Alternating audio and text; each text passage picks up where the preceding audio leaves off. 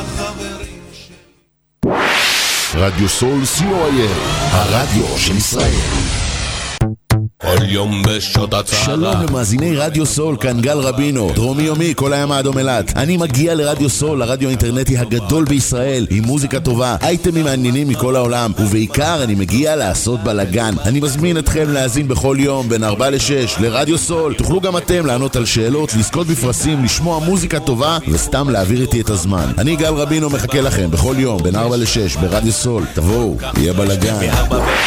רדיו סול co.il, הרדיו של ישראל. כל יום בשעות הצהרה. שלום למאזיני רדיו סול, כאן גל רבינו, דרומי יומי, כל הים האדום אילת. אני מגיע לרדיו סול, הרדיו האינטרנטי הגדול בישראל, עם מוזיקה טובה, אייטמים מעניינים מכל העולם, ובעיקר אני מגיע לעשות בלאגן. אני מזמין אתכם להאזין בכל יום, בין 4 ל-6, לרדיו סול. תוכלו גם אתם לענות על שאלות, לזכות בפרסים, לשמוע מוזיקה טובה, וסתם להעביר איתי את הזמן. אני גל רבינו מחכה לכם בכל יום, בין 4 ל-6, ברדיו סול. תבואו, יהיה בלאגן. התרגשות, התעלות, רגעי השראה. כולם מככבים בעלילות הספר החדש, העולם מריה, ספר למרחקים ארוכים. בשפה קולחת ומלאת הומור ואירוניה, לוקח אותנו המחבר רוני פילבסקי לעולמם המרתק של הרצים למרחקים ארוכים. הדקו שרוכים, כי צפויה לכם חוויה נהדרת. העולם מריה, ספר למרחקים ארוכים. לפרטים חייגו 052-259-8175 רחלי סקאפה, קריינות פרסומות וסרטים, תרגום סימולטני, כנסים ומסיבות עיתונאים, עברית, פורטוגזית, אנגלית וספרדית. פרטים בטלפון 054-7217-091. רחלי סקאפה 30 שניות על רדיו סול. רדיו סול היא תחנת הרדיו האינטרנטית הגדולה בארץ, המשדרת 24 שעות ביממה, מונה 36 שדרנים, ועוברת בשם הוויזואלי. רדיו סול משדר במגוון סגנונות מוזיקה, מגוון גדול של תוכניות, אקטואליה, תרבות, הופעות לייב באולפן, מיסטיקה ודרך חיים, יהדות וסקירת אירועים הישר מהשטח. ניתן להאזין לרדיו סול באפליקציית רדיו סול ישראל או באתר האינטרנט radiosol.co.il רדיו סול co.il הרדיו של ישראל בגיל 13 עמרי כהן חלם להיות עשיר. בגיל 30 הוא הגשים את החלום. בדרך הוא הקים עסקים מצליחים, והיום הוא אחד המנטורים המצליחים והמבוקשים בישראל. איך הוא עשה את זה? חפשו עמרי כהן ביוטיוב, ותגלו עכשיו ובחינם איך גם אתם יכולים.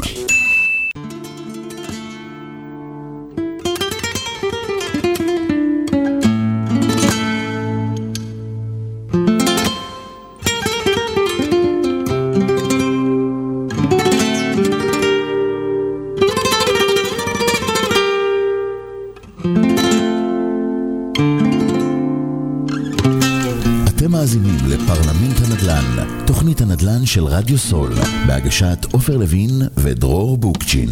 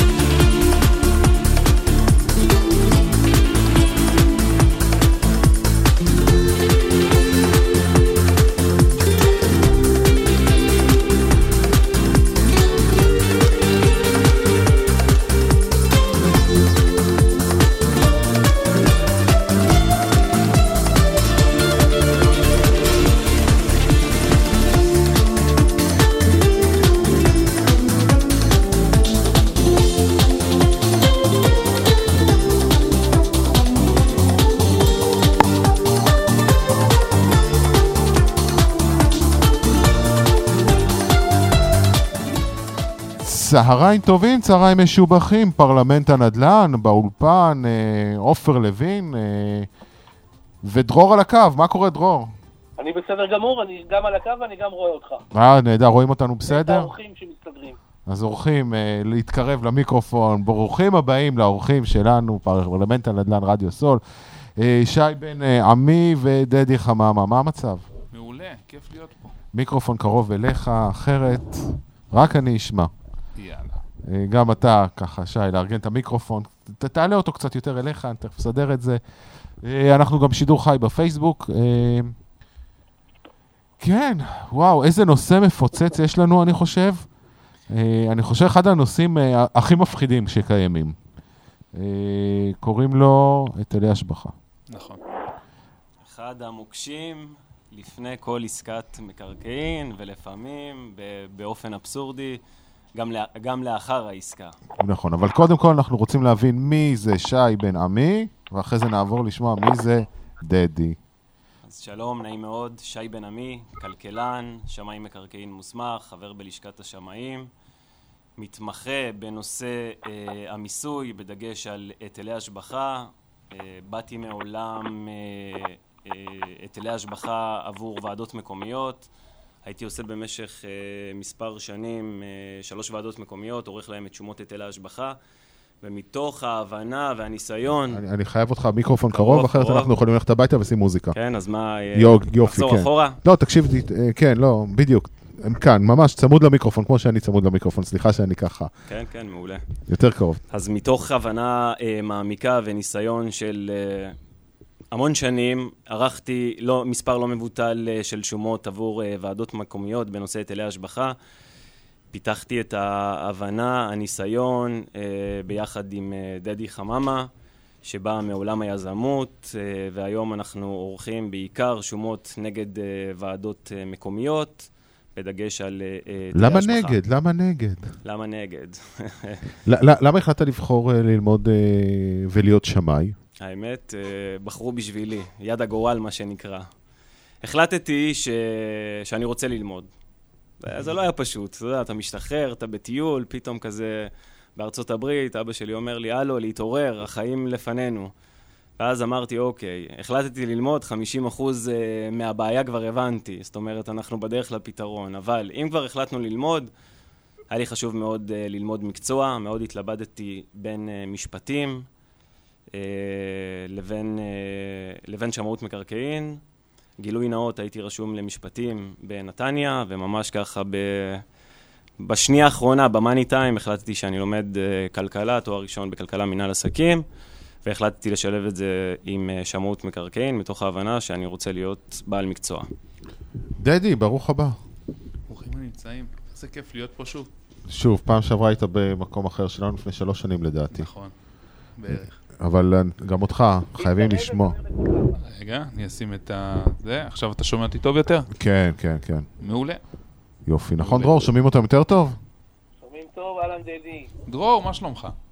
מעולה. כן.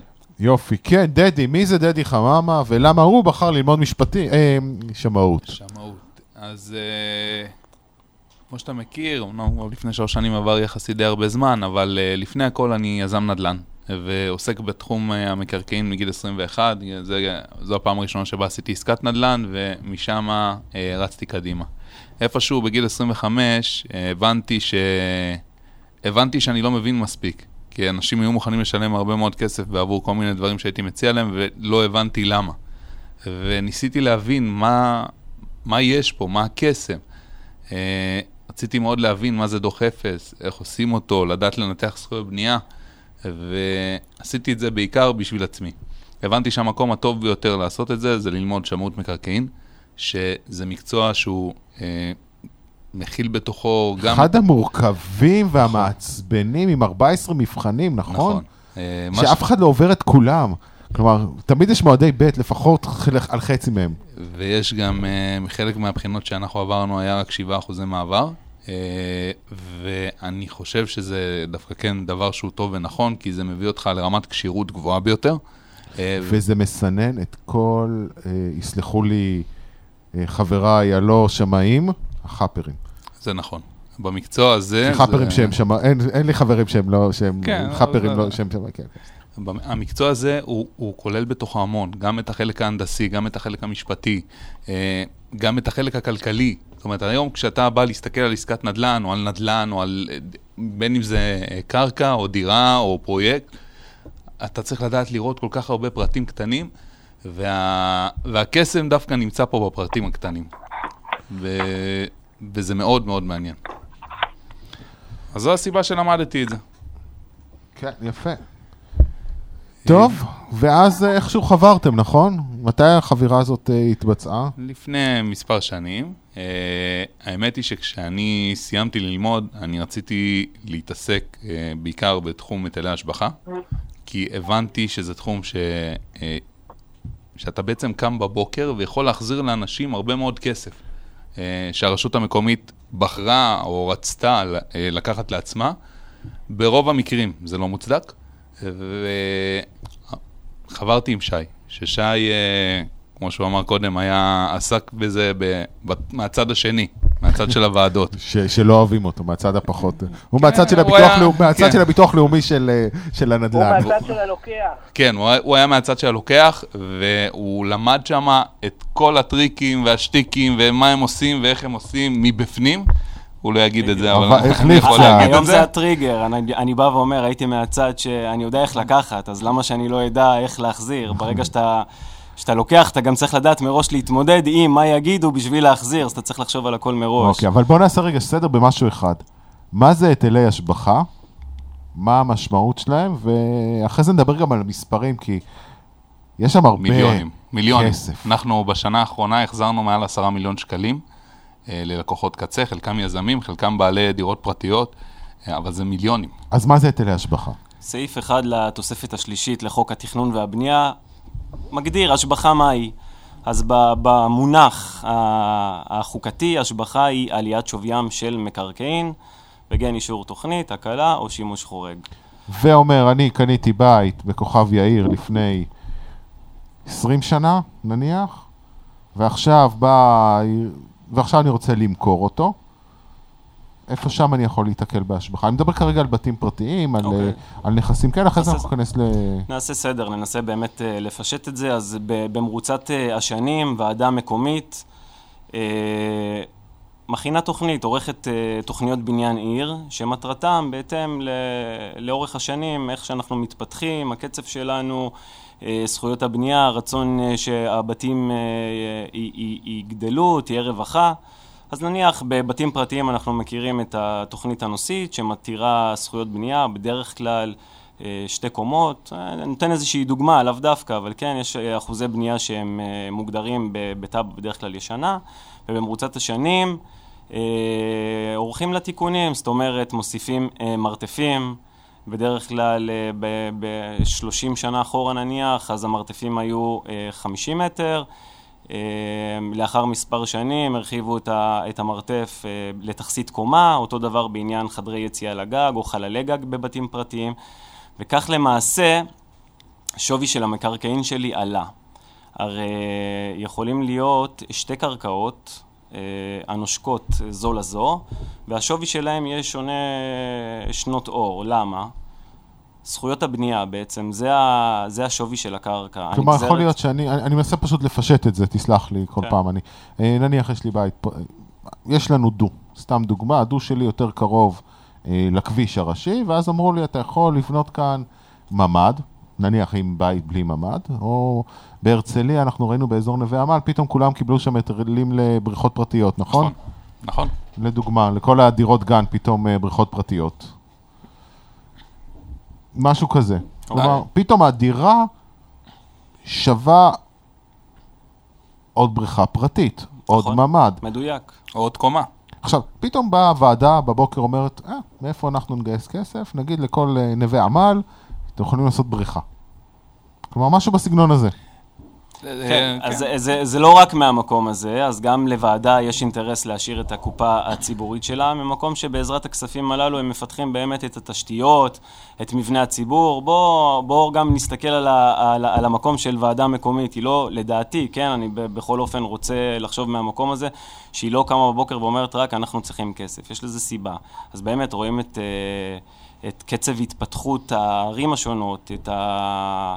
את ההקדשה למקום ולתת אה, מבנה ציבור ברמה מאוד גבוהה, אה, פארקים וכו', צריך לזה מימון. אז המימון הזה נובע מהיטלי השבחה. עכשיו, למעשה, איך תמיד הרואה חשבון שלי אוהב להגיד, כל עוד אתה משלם מיסים, אתה, צריך להגיד תודה. מי זה חמי? כולכם קוראים לרואה חשבון שלך? כי גם שלי אומר לי את זה אותו דבר. אז ברוך השם, אה, כן, אז ככה אני גם מסתכל מהמקום השני, כי בעצם השבחה היא, אה, היטל השבחה הוא מחצית מהשבחה. זאת אומרת, הוועדה המקומית רוצה להיות שותפה שלי בעל כורחה, רק ברווחים אגב, לא בהפסדים. אם יש תוכנית פוגעת, היא כבר לא... ואומר, בשביל הסדר, אה, דרור, תרגיש חופשי לה- להתערב לנו, אתה לא פה, כן, אבל... כן, לא, אני רק רוצה להגיד שאתם מדברים כרגע על היטל השבחה שנובע רק מתוכנית אה, בניין עיר. יכול להיות שהיטל השבחה אה, הוא בגלל איזושהי הקלה או אישור של שימוש חורג. נכון. נכון. אנחנו, יש לנו דוגמה קונקרטית לשימוש חורג, עוד מעט... אה, אבל לצורך העניין, נניח קניתי בית במיליון שקלים, באה העירייה בנווה עמל, אמרה, וואלה, אתה יכול לעשות עכשיו בריכה ולהוסיף ממ"ד, ולהוסיף קומה נוספת. ולהוסיף קומה נוספת, בלי שאני ביקשתי את זה בלי בכלל. שביקשת. אני, אני סבא זקן בן 95. יפה. ואתה רוצה לעבור עכשיו לדיור מוגן ורוצה למכור את הדירה שלך. כן, למה לא בא לי לך... נכון. שה- אתה בא שהנכדים ואומר, יערבו. לא בא לי עוד קומה, לא בא לי בריכה, זה לא מעניין אותי. עזוב, אני לא יודע מזה כנראה. אני כנראה גם לא יודע נכון, מזה. נכון. נכון.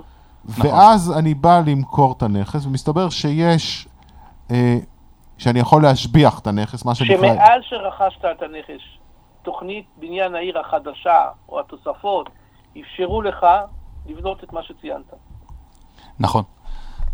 עכשיו, מה שקורה... רגע, רגע, ואז פתאום מסתבר שהנכס שווה חמישה מיליון שקלים, נכון. לא, ורכשתי במיליון שקלים. עזוב, זה לא, אל תיכנס, אתה הולך לא, לא, למס לא, שבח. לא. אל תלך למס שבח, זה נכון, משהו זה שונה. לא, אני- איך אני אומר ללקוחות, גם אם תמכרו בעשרה מיליון שקלים, קודם כל תודה, לא רלוונטי בכ- בכמה תמכרו. משתי סיבות, אחד זה לא מס שבח, והסיבה השנייה, שהיטל ההשבחה, האומדן שלו הוא למועדים קובעים. זאת אומרת שאם היום מכרתי נכס בחמישה מיליון שקלים לצורך הדוגמה, זה לא רלוונטי אם התוכנית לבריכה או לתוספת קומה אושר, אושרה בשנות התשעים. אני צריך לעמוד את שווי המקרקעין, שווי מטר קרקע של זכויות בנייה לש... לאותה שנה. ואז אתה הולך וחוקר מה היה בשנות אני הולך ה-90, וחוקר מלא, מה לא היה אינטרנט בכלל. לגמרי, היה מקרקעין וערכם. אבל היום יחסית קל לאתר את אותם ערכים. אבל בסופו של דבר, אותו בחור שרוצה למכור את הדירה שלו, אם הוא פעל אה, בצורה חכמה, אז הוא הוציא שומה מוקדמת והוא ידע בדיוק מה דרישת תשלום היטל ההשבחה שלו. אגב, אם מוציאים שומה מוקדמת מהרשות המקומית, יש רק 45 ימים לטפל בשומה הזאת. אחרי 45 ימים לא ניתן לערער יותר והשומה הופכת להיות שומה חלוטה. רגע, רגע. אני חושב לקנות דירה, כן. אני אלך, יביא... לא אתה. המוכר. על פי. דין זה למוכר. לא, לא, לא, אני, אני הקשיש בן 95. אה, כן. אוקיי, זה שרוצה למכור. רוצה למכור כן. את הדירה שלי, אני לא רק חושב. אני רוצה להבין איפה אני עומד, אז יכול להיות שאני צריך לעשות שמאות, ואז יש לי 45 יום. נכון. מדויק.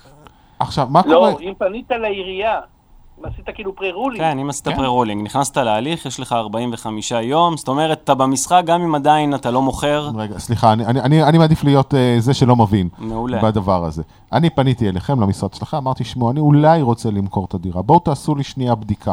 כמה כסף אני עכשיו צריך לשלם לכל הגופים הנוס... הנחמדים האלה? אתם באתם אליי, עכשיו עשיתם את הבדיקה שלכם, מסתבר שאני צריך לשלם נניח 250 אלף שקל. אנחנו נמליץ לך לעשות, אנחנו נמליץ לך, בשביל שהתוצאה תהיה מדויקת. הרי בין שמאי לשמאי יש פערים, וכל אחד יש לו את ההנחיות שלו, וכל אחד מסתכל מהצד שלו. שמאי של הרשות המקומית, הוא לא בהכרח ייתן את מה שאני אחליט.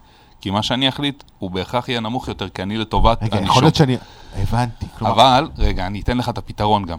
בדרך כלל מי שפונה אלינו, אנחנו מלווים אותו בתהליך מול הרשות המקומית, להוציא מהרשות המקומית את השומה המוקדמת. זה אומר, אנחנו עוסקים בכל הבירוקרטיה, ומקבלים את השומה המוקדמת השומה המוקדמת עושה אותה השמאי של הרשות המקומית. של הרשות המקומית. ואז, ברגע שקיבלת אותה, יש רק 45 ימים להגיש התנגדות. לא הגשת התנגדות תוך 45 ימים, השומה היא שומה חלוטה, אתה לא יכול לערער עליה לעולמי עולמים. כלומר, יש לנו שקט תעשייתי, ביום שאני מרים את הדגל, איתכם, או הולך, נכון. לצורך העניין, והוא מתעורר אותו אדון שמאי מהקומה השנייה בעיריית הרצליה. אה, איפה זה מחלקת ההנדסה עיריית הרצליה? לא, לא משנה, זה בחומה 15. אה, ומתחיל לבדוק, יש לי 45 יום בשביל להתחיל להתעסק עם זה. לא, להחליט אם אתה רוצה לערער. אה, סליחה, סליחה, נכון. במסגרת של 45 יום, אתה אמור לקבל את כל ההחלטות. ביום ה-45 צריך, אם החלטנו שאנחנו ממשיכים בהליך והשומה, לעניות דעתנו, היא תלושה מהמציאות, היא גבוהה, יש בה התעלמות מוחלטת מראי החוק והפסיקה, שאגב זה עולם המשפט, שהוא ממש אה, בממשק עם עולם השמאות, אז אנחנו מחליטים, אה, כמובן, בהסכמה מלאה של הלקוח, אה, לגשת להליך, ואז פונים בבקשה למינוי שמאי מכריע. או ועדת ערר לפיצויים והיטלי השבחה. תסביר מה הסמכות של שמאי מכריע. רגע, שנייה, לפני זה, עוד שאלה. אתה במהלך התהליך יכול עם השמאות שלך לגשת לעירייה ולשכנע אותם גם בלי שמאי מכריע? או יש, יש? יש אופציה אחת, אין היום את, ה, את הנושא של שומות מוסכמות.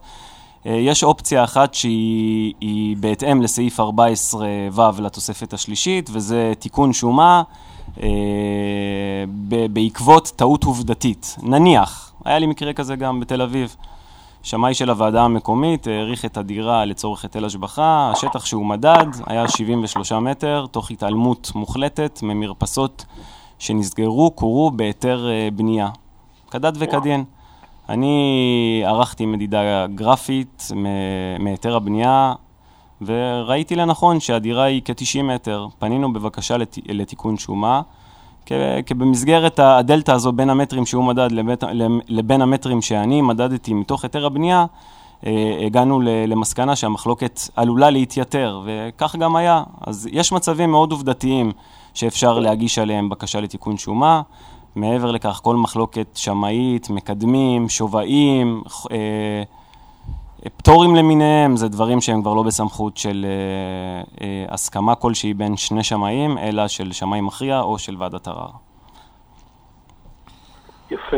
ת- תן לי רגע הסבר מה זה שמאי מכריע בבקשה למי שלא בקיא בזה ביום יום. אוקיי, אז שמאי מכריע, אה, לצורך העניין, הוא מעין בורר ל- לעניין של אה, היטלי השבחה, גם פיצויים, בואו כרגע נתמקד בנושא היטלי השבחה. אה, שמאי של העירייה הוציא דרישת תשלום, שמאי אה, מטעם הלקוח, לצורך העניין, המשרד שלנו, עורך שומה נגדית, מגישים אותה לשמאי המכריע, שהסמכות שלו אה, לקבוע שומה משלו. אגב, חלילה לא עלינו, גם שמאי מכריע יכול להעלות שומה. זו אופציה שקיימת, אבל מה שקורה בעצם, בהתאם לתקנות סדרי הדין, אנחנו מגישים את השומה האחרת שהמשרד שלנו עורך. כמובן, אחרי שערכנו את השומה, ביקרנו בנכס, קראנו את החומר, השגנו על התחשיב של השמאי של הוועדה, שמאי של העירייה, הגענו לשמאי המכריע, ואז בדרך כלל הוא בהתאם אה, לדברים שאנחנו מציגים בפניו, סוג של בורר, הוא מכריע ונותן את ה... באנלוגיה לעולם המשפט, את הפסק, את הפסק דין שלו.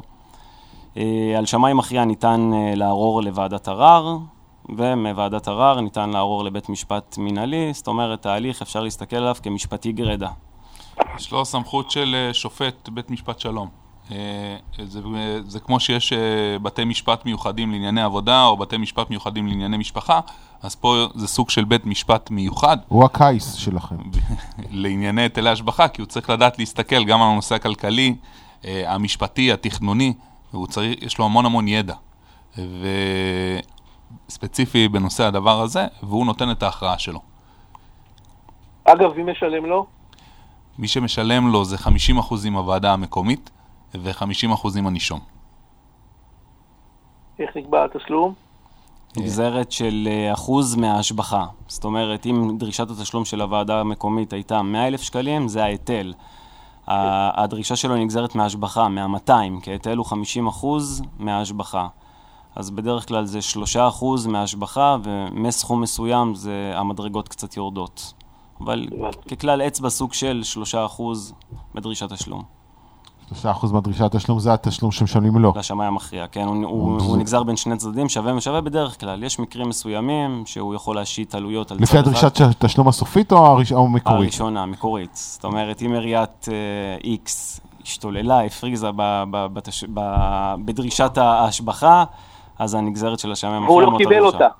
והוא גם לא קיבל כן, אותה. הוא גם לא, הוא יכול גם לאפס אותה, ויש לנו אה, לא מעט אה, תיקים כאלה, שהדרישות אופסו ב-100% הפחתה. מי משתמש בכל הדברים האלה בעיקר?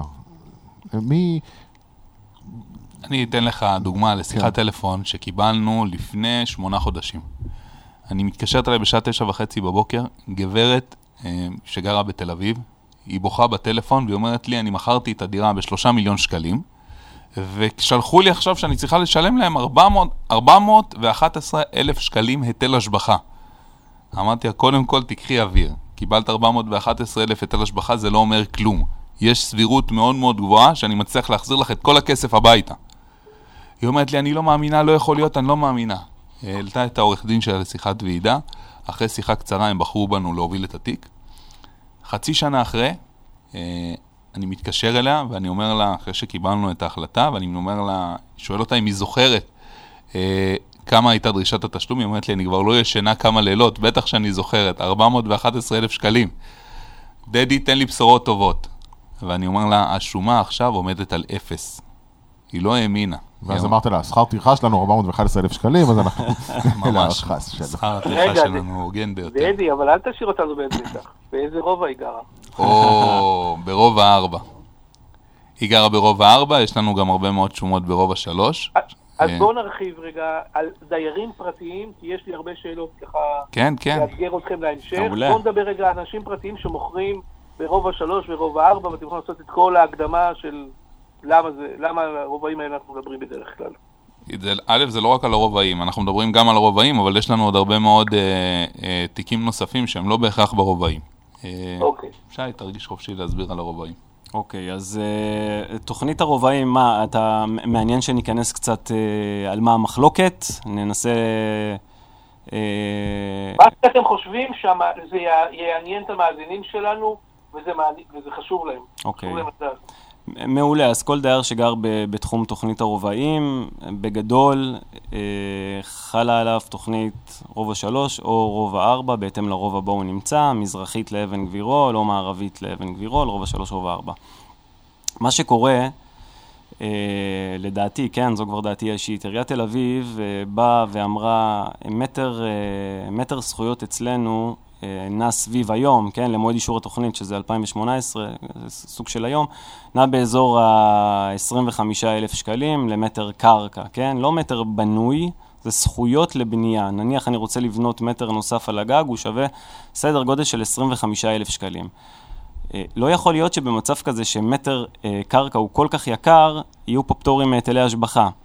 אז מה שאנחנו באים וטוענים אה, בשומות שלנו, זו אחת הטענות העיקריות, שזה לעניות דעתנו, אה, ואגב, לא רק דעתנו, קיימת, אני חושב, תמימות דעים בין אה, אה, אולי 90% מהשמאים האחרים לגבי הטענה הזו, שיש פה איזשהו ניסיון בדרך עוקפת ליצור חבות בהיטל השבחה על זכויות שבלאו הכי הן פטורות מהיטל השבחה. הרי תוכנית רובע 3 וגם רובע 4 בתקנון שלה, ברש, ברחל בתך הקטנה רשום, מטמיעה את המדיניות העירונית בכל הקשור לתמ"א 38. תמ"א 38 זה תוכנית מתאר ארצית, שהמטרה שלה זה חיזוק אה, וכיוצא בזה כנגד רעידות אדמה, והיא סטטוטורית, אי אפשר להתעלם מקיומה. נכון שהיא מרחפת באופן כזה גורף על כל המדינה, בכל נכס שנבנה לפני 1980, כי זה מה שקבעו, הזכאות, תהיה לנכסים אה, מסוג זה. ובגדול, מה שהיא מקנה זה שתיים וחצי קומות על הקיים במסלול של אה, חיזוק או הריסה. ועיריית תל אביב באה והכינה תוכנית שאגב נשענה על מסמכי מדיניות שאושרו הרבה הרבה לפני שאפילו הפקידו את תוכניות הרובעים וניסתה ליצור איזשהו מנגנון כזה אה, שהוא ציר עוקף לגבי גביית היטל השבחה. אז אנחנו בעצם אומרים בוא ננסה לעמוד את שווי, הרי השבחה זה עליית שוויים של מקרקעין. בוא ננסה לעמוד את שווי המקרקעין במצב שקדם לאישור תוכנית הרובעים, אל מול המצב שלאחר אישור תוכנית הרובעים, ובעצם אנחנו רואים שאין שום דלתא. כי אם במצב הקודם תמ"א 38 ריחפה ושוק המקרקעין מגלם בתוכו את כל הציפייה, גם אם היא לא ממשית, אבל את הציפייה הכללית בהתאם להלכת לוסטרניק שנידונה והיא כבר הלכה מחייבת לפי בית משפט עליון, אז אנחנו לא רואים מצב שאפשר להגיד הייתי שווה לפני אישור, התוכ... אה, לפני אישור תוכנית הרובעים אפילו מעט ממה שאני שווה אה, אחריה. ענה לך? אוקיי. פחות או יותר. אפשר יותר, אם... אה, בוא לא, נתמקד. לא, לא. לאיזה רזולוציה אנחנו יורדים. טוב, אנחנו אולי נצא לאיזשהו כמה דקות של לגימת מים, ואתם המאזינים, תקשיבו, ואתה גם דרור, לאיזשהו שיר אה, קליל, מה אתה אומר? דרור? אני, אני מנסה לנחש איזה שיר בחרת. אה, איזה? שיר עברי, מה ברור? לא רוצה להסתבך עם וורנר. נו, כן, נו, ו... טוב. כגן. לא, לא, דווקא לא. יאללה, אה, כמה שניות נחזור.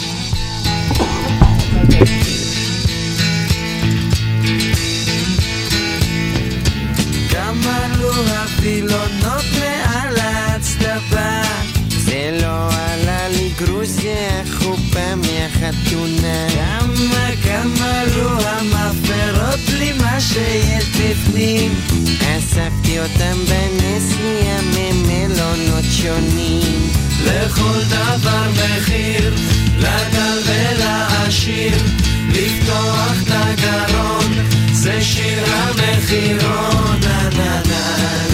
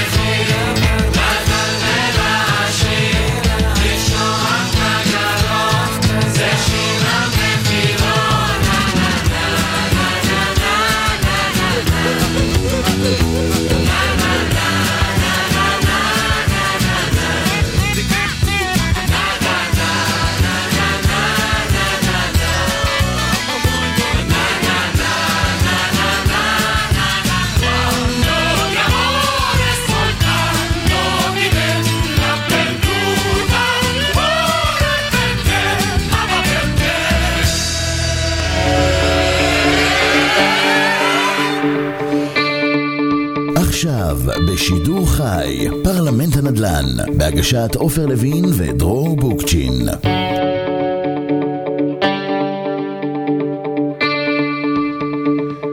צהריים טובים, צהריים משובחים, פרלמנט הנדל"ן, אה, עופר לוין באולפן ודרור ב- בבית, בטלפון. מה העניינים דרור? אני מצוין. יופי, ואנחנו... אה, ואנחנו עם אה, שי בן עמי ודדי חממה. אה, כן, אז אה, דיברנו על אה, היטלי השבחה וכל מיני דברים, והרובעים בתל אביב, ששם שם הכסף הגדול. לא נכון? בהכרח. לא? איפה עוד יש כסף גדול? יזמים, יזמים? בטח. דבר איתי, אחי. יש תיק של... אה, קח את פתח תקווה לדוגמה. פתח תקווה, לדוגמה. יש תיק בפתח תקווה של יזם שקיבל, כמה היה הסכום המדויק, אתה זוכר? מיליון, ש- אחד, ש- מיליון שלוש מאות? מיליון שלוש מאות אלף שקלים בפרויקט שהיטל השבחה כמעט וגמר את הפרויקט הזה והפך אותו ללא כלכלי. היזם ככה, אתה יודע, כבר הגיע לשלב של היתר בנייה. היטל השבחה יוצא כבר כתוצאה ממימוש, והוא מקבל מיליון ושלוש מאות אלף שקלים. הוא לא יכול לקבל את הדברים האלה ולדעת לעשות את התוכניות האלה בחלק מכל שזה- בדוח אפס שלו? הוא עושה בדוח אפס שלו, אבל uh, הוא עושה את זה משמיים מטעמו שמלווה אותו, ואנחנו רואים דברים אחרת. אנחנו לא רואים אותם סתם אחרת, כי שמאי של עירייה בדרך כלל, uh, יש לו את, את, את התזה, את המנגנון לפיה עובדת העירייה. הרבה פעמים לא מסכימים עם הרבה דברים, כמו שעיריית תל אביב היום מערערת כמעט על כל תיק שנידון בפני שמאי מכריע. ואנחנו בתור שמאי המבקשים נצמדים לדעה, לא, זה לא דעה רווחת, זה בעצם לאיזשהו מנגנון אה, חוקתי נקרא לזה, זה עדיין לא הלכות, אבל אם יש החלטה של ועדת ערר אנחנו נצמדים אליה. ובתיק הזה אתה תמשיך להרחיב. אה, בתיק הזה, בדוח אפס של היזם, ההיטל השבחה הופיע כ-400 אלף שקלים. הוא לא שיער שזה, שזה יכול להגיע לסכום הזה, והסכום הזה פשוט, אם הוא היה צריך לשלם אותו ולא היינו מצליחים פה בדרישת תשלום, הפרויקט לא היה קם. פשוט לא הייתה היתכנות כלכלית לפרויקקט. 800 אלף שקלים, זה יש לי, אני חושב שיש כאן בעיה עם יזמות. לא, זה כשאתה עומד על אה, אזור ה-18 אחוזי רווח, ופתאום אה, השמונה, פרויקט קטן זה פרויקט של אה, התחדשות. אה, כשאתה עומד פה עם 800 אלף שקלים רווח, זה בערך אה, דירה. אה, בסופו של דבר, כמה, כמה, כמה כסף הצלחנו להחזיר לו, שי? הצלחנו להחזיר באזור המיליון שקל? באזור המיליון שקלים. בסדר. אז הוא נשאר כמו בדוח אפס שלו בערך. קרוב. כן. אבל הוא, יחז... הוא נשאר עם, בעצם, אתה יודע, זה עוד מיליון שקלים שחזרו אליו. לא, רגע, לא, מיליון, כן? זה... לא, מיליון חזרו, אבל הוא שילם שבע אותם. ספרות. אבל הוא שילם אותם. חזרו בריבית, אגב. נכון, יש שם ריביות טובות בדברים האלה. אה, לא יודע, עזוב, אני, ממליץ לא לשלם ברגע אבל שאתה אתה רוצה לממש ולבנות, אין לך דרך אחרת. יש כל מיני פרוצדורות כאלה של לקחת מימון על חלק מהסכום וכו', אבל שרוצים לבנות, לשלם הכל, ש, שרוצים למכור, לא לשלם כלום. זה, זה בעצם מה שאנחנו ממליצים. כשאתה בונה, אין לך יותר מדי אופציות, כי אתה רוצה לקבל את היתר הבנייה ולהתחיל, ולהתחיל בבנייה כמה שיותר מהר. חבל על כל יום שאתה מבזבז. אה, יכול להיות שדרור, תגיד לי, זה נשמע כאילו העיריות וכל הגופים, שיטת המצליח, נכון? אמר, אמר שי בצורה מאוד משמעותית, אני שמאי עבורך, לא עבור העירייה. לא, אבל נראה לי כאילו הם כולם שיטת המצליח, יש שם כיסים, אני מסתכל, אתם מדברים כאן על, לא, אתה יודע, פעם אמרו, אה, הפקחים מכניסים כסף לעירייה, מה זה הפקח, 450 שקל קנס, נו. אנחנו, אנחנו לא נמצאים בעולם שהוא מדע מדויק. לא, אבל אה, פתאום בא- מגיעה העירייה, אה, בוא נעשה כאן פרגולות, נאשר להם פרגולות. נכון. כל האנשים ברחוב הזה שמוכרים את הדירה, טח, עוד 250 אלף שקל כי הציעו פרגולות, טח, השארנו את העירייה, נעשה בית ספר חדש. אז אני, אני בדעה שבאמת, אם הושבחתי, אני מוכן אה, להשתתף עם העירייה ושהיא תהיה שותפה שלי, גם אם זה בעל כורחי, ולהעניק ל, לרשות או לוועדה את ה-50% מה, מההשבחה שמגיע לה, כי אם באמת השביחה אותי, אם היא נתנה לי זכויות בנייה אה, ממשיות לניצול, וזה דברים ש... תראה, אני תמיד אומר ללקוחות, האקסל אוכל הכל, הפרוגרמה התכנונית יכולה לאכול הכל, מבחן המציאות לא אוכל הכל. ברגע שיש לי עשרה דיירים בבניין והגג הוא לא שלי, גם אם, הוא, גם אם הוא צמוד לי, הזכויות הן לא שלי, זה לא בהכרח שמחר אני יכול לממש אותן. אנחנו נמצאים היום במאה ה-21, בעולם הנדל"ן, כולם יודעים איזה ערך כלכלי, במיוחד לערים במרכז הארץ, כמה כל מטר שווה. והיום, אם אני רוצה לממש את הזכויות שלי על הגג, קודם כל דיירים יבואו ויגידו, לא, מה, אתה, אתה תעיין לנו את הזכות לעשות אי פעם אולי תמ"א 38 בבניין. Uh, הדבר השני, יכול להיות שצריך להעניק לנו תשלומי איזון, יש לנו חלק בזכויות האלה, זה שהגג צמוד אליך זה לא אומר שהזכויות צמודות. ולפעמים ועדות אה, מקומיות אה, מתעלמים מה... אלו עובדות, הן- זה, זה לא השערות. ואת העובדות האלה צריך לדעת לכמת למונחי כסף. ש- אה, שאלה, חברים. אה, גם בחלק היזמי של אה, דדי וגם בליווי של חשה, יוצא לכם ללוות יזמים לתמ"א 38 בתל אביב? כן. ספרו קצת על אה, זווית ההסתכלות של יזם מההיבט של היטל השבחה. הוא בדרך כלל מפחד מזה, כאילו, זה- זה- זה בלתי צפוי מראש בהרבה מאוד מקרים. כמו, כמו שסיפרתי מקודם. כן. אה, תראה, להחזיר, ל- להחזיר ליזם את, אה, את הסכומים האלה זה לא כמו להחזיר ל, ללקוח קצה. יזם הוא יזם, הוא יודע שיש לו סיכונים, הוא יודע לקחת את הדברים האלה. הוא מנסה להיערך מראש, הוא מנסה להבין מה הלך במקומות אחרים, מה היה אצל השכן ומה נגמר ו- ואיפה זה עומד. הסיכון הגבוה יותר נמצא אצל, אה, אצל אותם אה, לקוחות קצה. ואני רציתי גם כן להגיד לך משהו, קודם אתה אמרת שאנחנו התרכזנו בנושא של מימוש בדרך של מכר, אבל יש גם דרך מימוש נוספת שהעלית אותה, וזה הנושא של שימוש חורג. נכון, שימוש חורג והקלות, זה... נכון. שנייה ברשותך, לפני שנעבור לשימוש חורג, אז אולי שנייה אני גם מרחיב בנושא היזמים. כן. אה, אני גם מציין דוגמה קונקרטית מאוד מאוד מאוד טריה, לדעתי מהשלושה שבועות האחרונים. רובע שלוש, אז הנה כבר זה לא אותם מימושים רק במכר, שאנחנו מקבלים את הפצצות האלה במרכאות, שכל דירה שנמכרת יכולה להגיע לסכומים של בין 200 ל-400 אלף שקלים היטל השבחה. דוגמה חיה ליזם, שליוויתי, אנחנו מלווים אותו אה, גם לפני, והגענו לנושא המימוש, הפרויקט אה, יצא אל הפועל, הרס אה, בניין ברחוב בר גיורא 24, ממש ככה מטר מהסנטר, כן? אני מרכז תל אביב, זה אחלה מרכז, מקום. מרכז, מר- prime location. אתה יוצא משם, כאילו ברגל אתה חוצה את הכביש, אתה בדיזינגוף סנטר. אה, הרס בניין קיים ומימש את הזכויות מכוח אה, תוכנית רובע 3, שאגב, היא כפופה לתמ"א 38. כן, מן זה הס- אומר פטור מהיטל השבחה. יפה, פטור מהיטל השבחה, לפחות על הזכויות החופפות לתמ"א 38. אני אבשר את אוזניכם שדרישת התשלום שהנפיקה הוועדה המקומית על סך של 628,000 שקלים, ולאחר שומה נגדית שערכתי, ולאחר החלטה של שמאי מכריע, שאני לא מתבייש להגיד, קיבל את מלוא הטענות שלנו, השומה הופסה, והוחזרו לאותו לקוח 628,000 שקלים. איזה טענות אתה יכול לבוא בכזאת שומה? סלח לי על ה... אני אני מנסה להבין. זה תירוצים, זה... לא, לא. אני, אני, ש- ש- שהחלטתי שזה מה שאני עושה, אמרתי, גם ביחד עם דדי, אנחנו רוצים להיות חוד החנית של עולם היטלי ההשבחה, כמו שיש חוד החנית של צה"ל. Uh, הטענות האלה, אני לא טוען טענות שאני לא אאמין בהן, או שאני חושב שאין בהן ממש, אני באמת מנסה לעשות שומת אני, אמת, אני גם אתן, אתן דוגמה ברשותך. ב- באהבה.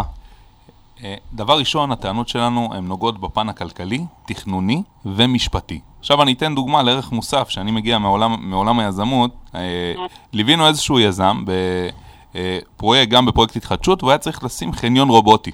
עכשיו, עלויות בנייה, על, עלויות של חניון רובוטי, השמאי המכריע שהעלות היא X. אה, לא המכריע, השמאי של הוועדה הכריע שהעלות היא אה, X.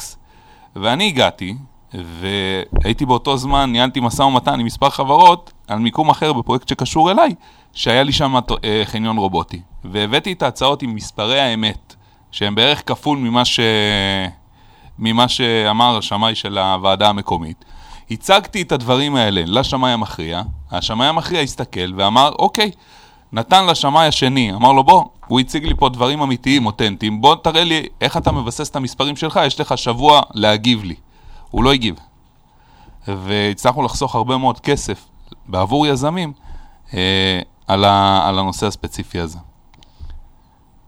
נכון. כן. זה, זה השילוב בין אה, עולם ה- היזמי לעולם... הפרקטיקה. ה- כן, הפרקטיקה היזמית, הפרקטיקה השמאית בדגש להיטל השבחה, כלכלית, נכון. תכנונית. צריך לדעת להסתכל על הכל, להיות יצירתי, לא להיות מקובע, לא לחשוב אה, כמו שכולם הולכים ולהגיד, אוקיי, זה מה יש. לראות מה, את הדברים שאחרים לא מצליחים לראות. ואני חושב שהכלים שיש לשי, כי הוא היה פעם בצד השני, נכון, נכון. באופן חד משמעי, הכלים שיש לשי, אה, זה כלים של קומנדו. אה, כי- כי הוא סוס מביא... טרויאני הוא היה פעם. תשמע, לא, אבל יש, יש פה איזה כלי שאולי אה, אנחנו קמים כל בוקר, הוא, מניע אותנו ואולי עדיין לא דיברנו עליו, וזה באמת התשוקה. כן. אה, אחד הרעיונות ש, שעשו לי בתחילת הדרך ל, לאתר שעוסק בתחום הנדל"ן, אז שאלו אותי, אה, מה, מה מניע אותך? אז לקבל באמת שיחת טלפון מאותו יזם שהפחיתו לו 628,000 שקלים יום אחרי שהוא קיבל את השומה המכרעת, היא מרגשת לא פחות משכר הטרחה. אני לא מתעלם משכר הטרחה, אבל... אני, עם שכר הטרחה אנחנו הולכים למכולת, אבל אני חושב באמת, זה דבר שמאוד מאפיין את כל התחום, כל נותני השירות בסופו של דבר, וזה לא משנה אם אתה שמאי, אם אתה מתווך, יועץ משכנתאות, עורך דין, שהלקוח בסוף מרגיש מרוצה, והוא מרגיש שמטפלים בו בביטחון, שיש לו על מי לסמוך. הרבה פעמים אתה, בדוגמה של עורכי דין, הרבה פעמים אתה צריך שהעורך דין ייתן לך את הביטחון שהוא מטפל בך. ייתן לך, אפילו אם אתה תפסיד, אבל לפחות אתה יודע שהוא עשה את הכל. אנחנו... ואתם יודעים בדיוק על מה אני מדבר, אני חושב שזה אני, ה... אני, אגדיר את מה שאני, אני, כששואלים אותי מה אתה עושה בתחום השמאות, אז אני אומר שאני אה, נלחם במערכת שלמה. במערכת שלמה שהיא מערכת אה, משפטית, מערכת של רשות מקומית, ועושה את כל מה שאני עושה, בשיא המרץ ו- ו- והאמונה, בשביל לעזור לאדם אחד להחזיר את הכסף ששייך לו לבית שלו. וזה בסופו של יום מה שאנחנו עושים פה בפעילות הזאת. וזה כי אותם אנשים הם נלח... כל כך הרבה כסף, ו... זה כל כך הרבה כסף שלדעתי, לדעתנו, לא מגיע אותם, לא, לא, הכסף הזה הוא לא שייך לרשויות. הכסף הזה שייך לאותו אדם, לאותו אזרח שעכשיו קיבל 411 אלף שקלים על איזושהי תוכנית רעיונית שכבר יש תקדימים שלא אמורים לגבות על זה, אבל הם ממשיכים לגבות, אה, לצורך העניין. אגב, אה, בעל, בעל אה, אה, דירה בקומת מרתף, שביקש לעשות שימוש חורג, ולאפשר אה, נגיד מגורים לתקופה מסוימת, או משרד לתקופה מסוימת, אה, במסגרת החוק, איך מחושב אז היטל ההשבחה? אה, היטל ההשבחה בעצם בודקים, אם אנחנו מדברים פה על שכירות, אז אתה תבדוק מה, בכמה היית משכיר דירת מגורים ובכמה היית משכיר משרד, ואם באמת יש פה השבחה אמיתית. תראה, בנושא של היטל השבחה, עיקר התיקים שאנחנו מטפלים בהם, זה נושא כן. של חניונים. וזאת סוגיה מאוד מעניינת שהגיעה גם כן לפתחו של בית המשפט העליון, שנתן פסיקות, ועדיין המון, מאוד, אה, המון ועדות פועלות בניגוד לפסיקה. אתן לך דוגמה על חניון בתל אביב. אני מקבל שיחת טלפון באמצע תקופת הקורונה, אה, בשנה שעברה, ממישהי שמתקשרת ואומרת לי, תשמע, אנחנו לא יודעים מה לעשות, אנחנו חייבים לקב... לאשר את רישיון העסק, ואם לא נשלם את היטל ההשבחה, לא נקבל את רישיון העסק, ואז לא יהיה לנו עסק. עכשיו, אוקיי, זה עסק של חניון, אבל אנחנו מדברים פה על מקרקעין. הם קיבלו שומת היטל השבחה. האם ערך הקרקע עלה בעקבות זה שיש חניון? שאלה שאני חושב, שאני ושי שאלה חושבים... שמאית, קודם כן, כל. היא שאלה בוא שמאית. נבחן אותה.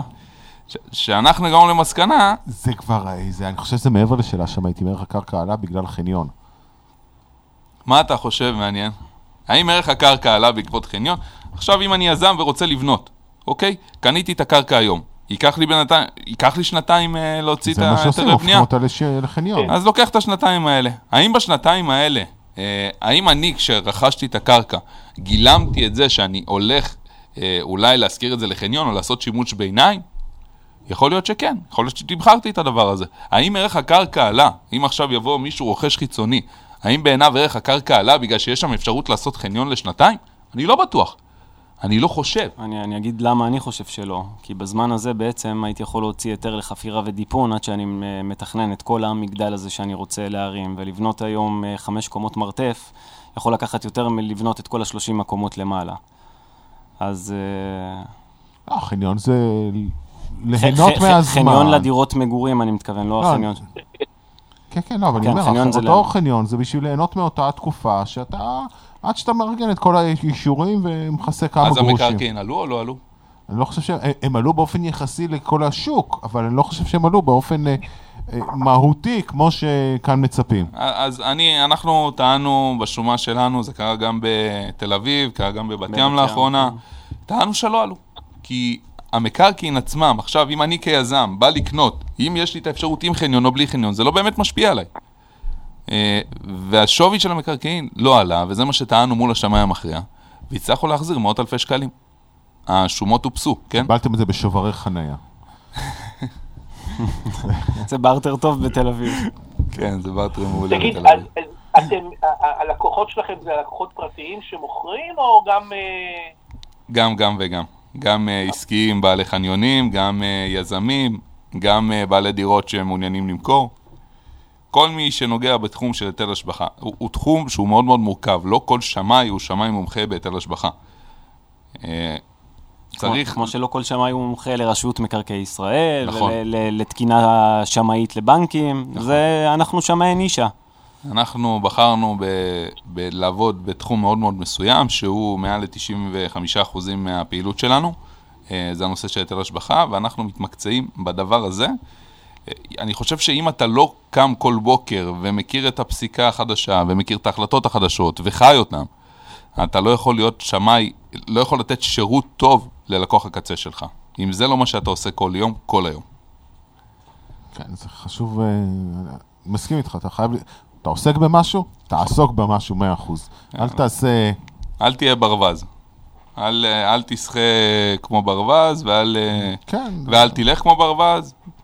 תשחה כמו דג, או שתלך כמו... או שתהיה ברווז, זה בסדר, אתה יכול להיות גם להיות ברווז, אין בעיה. השוק יש... האם, האם בנוסף ל, לשלושת התחומים של תוכנית בניית עיר, השימוש חורג וההקלה, האם מוכר לכם אה, דרישה להיטל השבחה בגלל הוודאות של תוכנית מסוימת? בעיקר בתל אביב? מה מה זאת אומרת בגלל הוודאות של תוכנית מסוימת? בגלל הוודאות... נתקלתי, אני כן. מנסה לאמת איתכם עם, אתה יודע, כל מיני דברים ששמענו לאחרונה. זו הייתה דרישה אה, לתשלום של היטל השבחה ב... מול יזם, נדמה לי בזכות תוכנית הרובעים, שמאפשר לו לדעת בדיוק מה, מה הוא יכול לבנות. אז ההשבחה אמורה להיות מתוכנית הרובעים. כן. יש, יש איזה מקרה קיצון שיש השבחה בדרך אחרת, אבל uh, זה, זה איזשהו מנגנון של שיפור זמינות, שזה אומר איזו תוכנית שהקנתה איזשהו משהו, אבל הוא לא היה ודאי, ואז ביום שאולי מימשתי, אני אוכל uh, לנצל את הזכות הזו. אבל בגדול, אל, אלו הן שלוש עילות לגביית uh, היטל ההשבחה, שזה תוכנית בניין עיר, הקלה או שימוש חורג. אתה מתכוון אולי לתוכנית כוללנית? לא, לא, אני לא נכנסתי לפרטים, אז אני לא יודע להגיד, אבל אני יודע שנאמר שבגלל הוודאות של מימוש התוכנית, אה, העירייה דרשה... אני אגיד לך מה אני חושב שאתה, למה, למה אני חושב שאתה מתכוון. יש דבר כזה שנקרא תוכנית כוללנית. תוכנית כוללנית היא תוכנית מתארית לעיר מסוימת, היא עוברת אישור של הוועדה המחוזית, אישור של הוועדה המקומית, אבל לא ניתן להוציא מכוחה היתר בנייה. חייבים להוציא תוכנית מפורטת, שהיא תהיה תואמת לאותה תוכנית כוללנית, ורק אז יהיה ניתן להוציא את היתר הבנייה, בעצם רק אז קמה הוודאות למימוש זכויות הבנייה. אז מה שאני חושב, תוכנית, על, על תוכנית כוללנית, אה, לפי החוק לא משלמים, כי, כי אין לך ודאות אמ- אמיתית בעצם לגבי אה, אה, הזכויות האמיתיות שיהיו לך ומתי הם יהיו לך, אלה שני נעלמים. ואם עשית תוכנית שתואמת את התוכנית הכוללנית, בעצם נוצרה לך ודאות, זה עבר את הוועדה המקומית לתכנון ובנייה, הצלחת להוציא מכוחה היתר בנייה, רק אז אתה תשלם את היטל ההשבחה. לדעתי אתה מתכוון לנושא של הוודאות הזה, אם אתה מדבר על תל אביב. זה אומר- זה אומר שבתל אביב יש הבדל... עם נגיד- תל אביב יש תוכנית כזאת. שנקראת תוכנית 5000. נכון. כן. אז כנראה שהוא בנה משהו שתואם לתוכנית, אה, לתוכנית הכוללנית, ואז רק נוצרה ההשבחה. יכול להיות. אוקיי, בתל אביב, אם אתה בונה ברובע שלוש, קומה 65 או 2.65, מהמם. על ה-15% במעבר מ-2.5 ל-2.65, זה בעצם דרישה להיטל השבחה על ההקלה? אם- תלוי באיזה מימוש, הקלה בדרך כלל זה בבקשה להיתר בנייה. אם אתה תבנה, נכון, אתה צודק מאוד, מעבר לשתיים וחצי קומות, את ה-2.65 לצורך העניין, אתה תמוסה לפי השטחים הפיזיים המבוקשים. אה, אגב, אה, יש את, ה, את, ה, את התיקון אה, לחוק בעניין תמ"א 38, של כל מה שהוא מעבר שתיים וחצי קומות, אם אני כבר אגיע נניח לקומה השלישית לפי המכפיל, איך אני מחשב זכויות מכוח תמ"א 38, אז ההשבחה היא 25% ולא 50%. אבל זה, זה אולי איזשהו עניין ש, ש, שמדבר ליזמים אה, בלבד, כן. לפחות בשלב הזה. כן. וואו, תשמעו, הנושא שלכם הוא נושא מאוד מאוד מרתק. אני, אני מבין עכשיו למה צריכים לעשות 14 מבחנים. ועוד אה, שלושה סופיים. כן, ואני אני חושב שבאמת ככל שלומדים יותר ופותחים, ו... עוד פעם, כמו כל דבר שקשור בנדל"ן. כן. כמו שיש עורך דין שמתעסק עם זה ועם זה ועם זה, בנדל"ן יש עורך דין שמתעסק מומחה לתמ"א ומומחה ל... כל- כלומר, כל כך הרבה דברים, אז גם בעולם השמאות יש המון המון רבדים. אה, כמו בעולם אה, תיווך הדירות, שיש יותר מתפ... אה, אנשים שמתעסקים יותר מתאים יד שתיים, כאלה מקבלן יותר מתעסקים, כאלה באזורים בעייתיים או מורכב... מאתגרים, לא בעייתיים נקרא להם ככה. דרור, אני איתך. אנחנו מתחילים... לנו מהר היום. כן, כן, כן, כן. רץ מהר, החבר'ה דיברו לעניין. כן, כן, צריך להקשיב. כן. אנחנו אה, צריכים להתחיל לסיים את התוכנית שלנו. אני שמחתי מאוד שהגעתם אלינו לתוכנית. אנחנו שמחנו על אה, האירוע. לי זה עבר מהר, אני חייב להגיד. זה נושא יחסית... לי זה אה, עף. זה עף, ברור, אני יכול אתם, חיים את זה. שעות. אתם חיים את זה, אבל אני אומר. זה נושא כזה שהוא די, אה, נקרא לו יבש, יבש. כן. אה, על פניו. עד ש- אה, עד שנפגשים עם עד הכסף. שנפגשים כן. איתו. לגמרי. מי שרוצה למצוא אתכם, איך הוא עושה את זה? גוגל. גוגל. אלי חממה, שי בן עמי. נהדר, צ'יק צ'אק, מאוד מאוד טוב. אה, דרור, אני מודה לך מאוד שהיית איתנו כאן. אה, אנחנו נהיה פה שבוע, מיד אחרינו רותי מרקוס כהן במי בסול, אנחנו נהיה פה שבוע הבא אחרי גידי לוויתן במגשימי החלומות. אה, ל"ג בעומר שמח, אל תעשו מדורות, אל תעשו מדורות ואל תשתו יותר מדי אלכוהול. אה, בריאות ואושר, המשך יום טוב. ביי דרור, תודה. להתראות, תודה. תודה, אדי, קצת שלום למשפחה. ביי ביי.